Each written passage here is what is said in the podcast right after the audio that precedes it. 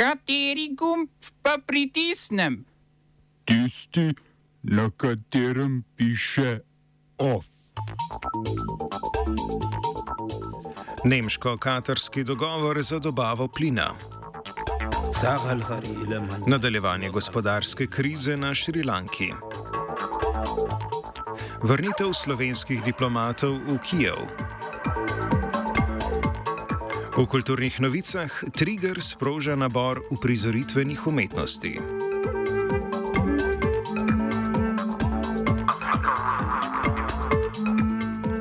Jo!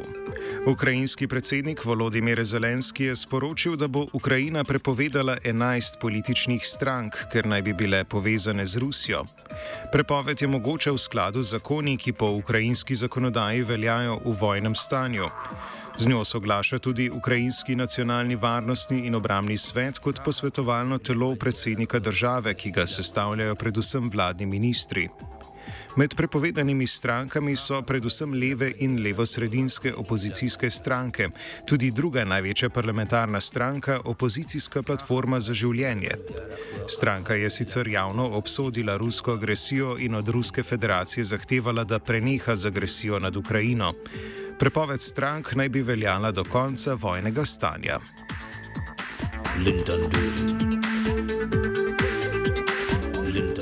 Ukrajina je zavrnila zahtevo Rusije, da njihova vojska v Mariupolju odloži orožje in danes dopoledne zapusti mesto.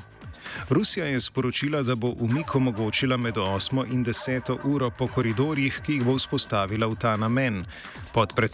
Podpredsednica ukrajinske vlade Irina Vereščuk je po noči sporočila, da je za nje ta ponudba nespremljiva. Rusko stran pa obtožila namernih manipulacij in zajetja talcev v mestu. Pristaniško mesto Mariupol na jugovzhodu Ukrajine v regiji Donetsk je oblegano že praktično od začetka ruske invazije. Dan pred rusko zahtevo je Ukrajina priznala, da je izgubila stik z Azovskim morjem, ki z juga obliva Mariupol. Ukrajina je rusko vojsko obtožila, da je včeraj napadla šolo, v kateri se je skrivalo okoli 400 civilistov. Že v preteklosti je zadela več zaklonišč, šol, gledališč in bolnišnico. Na podlagi satelitskih posnetkov ocenjujejo, da so uničene približno štiri petine mesta.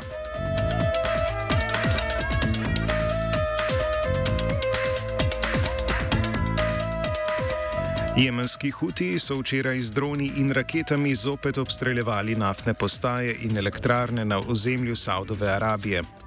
Izstrelki so zadeli različne naftne komplekse v lasti državne naftne združbe Aramco v pristaniških mestih ob Rdečem morju, kot so Džeda, Jembu in Al-Shakik. Napadena sta bila tudi elektrarna in obrat za razsoljevanje morske vode. Napadi so se zgodili potem, ko je svet za sodelovanje v zalivu s sedežem v Saudovi Arabiji Hutije povabil na mirovne pogovore v saudsko prestolnico Rijad.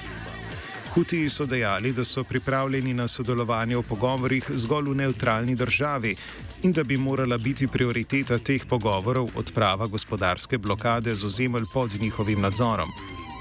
Mirovni pogovori so sicer prekinjeni, vse odkar so Huti poskušali zavzeti z nafto bogato mesto Marib na ozemlju mednarodno priznane jemenske vlade, ki jo podpira Saudova Arabija.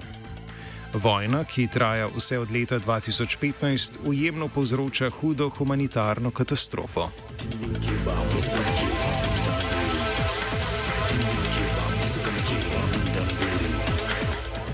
Šrilanka se je zaradi hude inflacije znašla v največji ekonomski krizi v zgodovini samostojne države.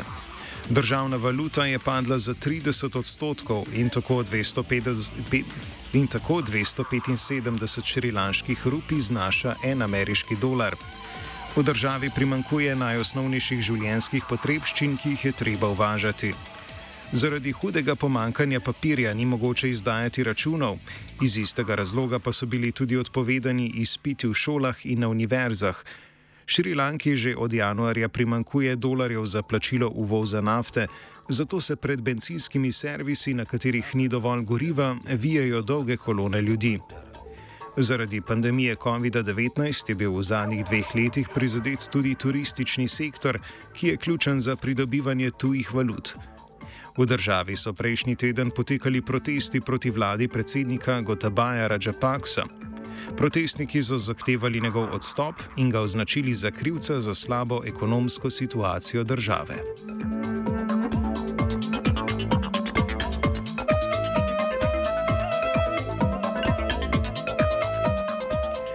Alžirija je v soboto iz protesta proti španskemu priznanju ozemeljskih teženj Maroka v Zahodnji Sahari odpoklicala svojega diplomata iz Madrida.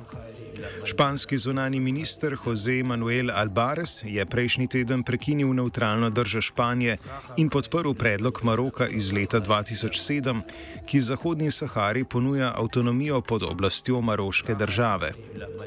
Konflikt med Marokom in Fronto Polisario, ki jo sestavljajo člani zahodno-saharskega staroselskega ljudstva Sahravi, traja že vse od leta 1975, ko se je Zahodna Sahara osamosvojila od Španije. Zahodno-saharski separatisti nadaljujejo zahtevami za referendum o neodvisnosti, ki bi sicer moral pod okriljem misije Združenih narodov potekati že leta 1992. Alžirija, ki fronto Polisario na različne načine podpira že od samega začetka, je sicer največja dobaviteljica nafte v Španijo.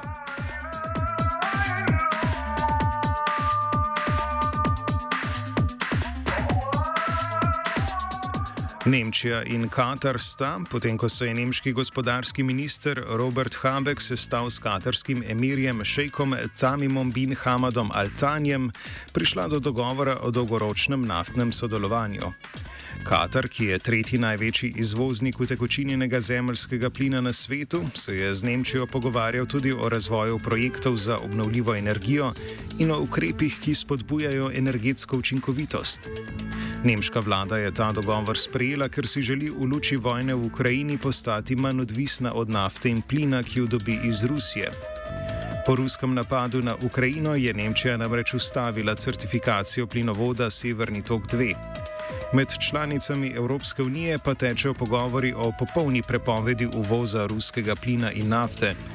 Postopoma pa si želijo v Nemčiji tudi ustaviti proizvodnjo jedrske energije. Muzika.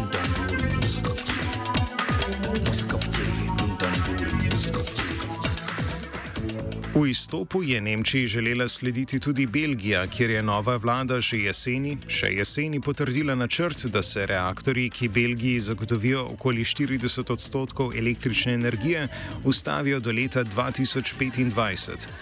A vlada je zaradi, kot so zapisali, kaotičnega geopolitičnega okolja odložila ustavitev belgijskih jedrskih elektrarn za deset let. Oba, če, bom odgovoril na angliški. Slovenija bo poskušala pomagati. Slovenija bo naredila naš utmost, da bo rekla, da je situacija naš problem, naš sebe. In bomo naredili nadaljnje korake, as soon as the conditions are. Bomo vlado Marjana Cererera Šarca podprli. Very, very serious. News from Slovenija. We know how and we will. Predsednik slovenske vlade Janez Janša je po standardnih vladnih komunikacijskih kanalih sporočil, da bo Slovenija v Kijev vrnila diplomata z ekipo. V tvitu je zapisal tudi, da so vsi, ki se vračajo, prostovoljci in da si bo Slovenija prizadevala, da enako storijo tudi preostale države članice Evropske unije. Tako se bodo slovenski diplomati, ki so Ukrajino zapustili ob začetku vojne, pridružili turškim, vatikanskim in polskim kolegom, ki so ostali v državi tudi po začetku invazije.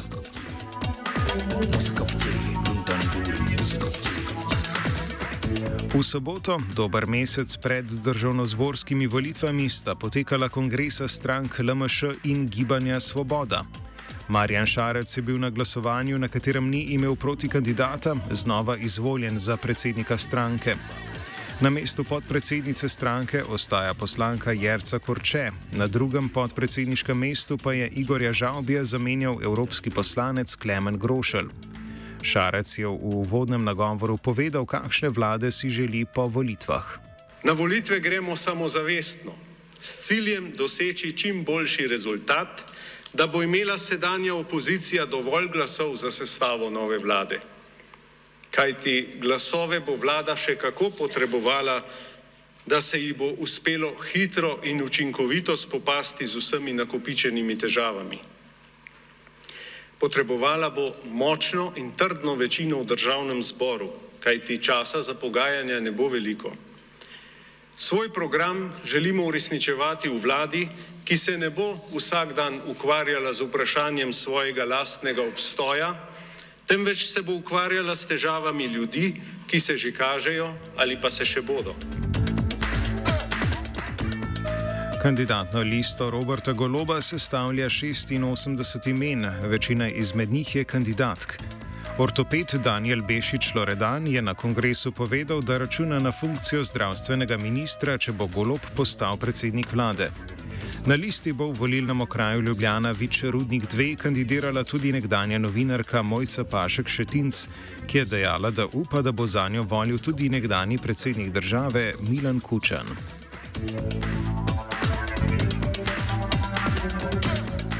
OF sta pripravila Fin in Blaž.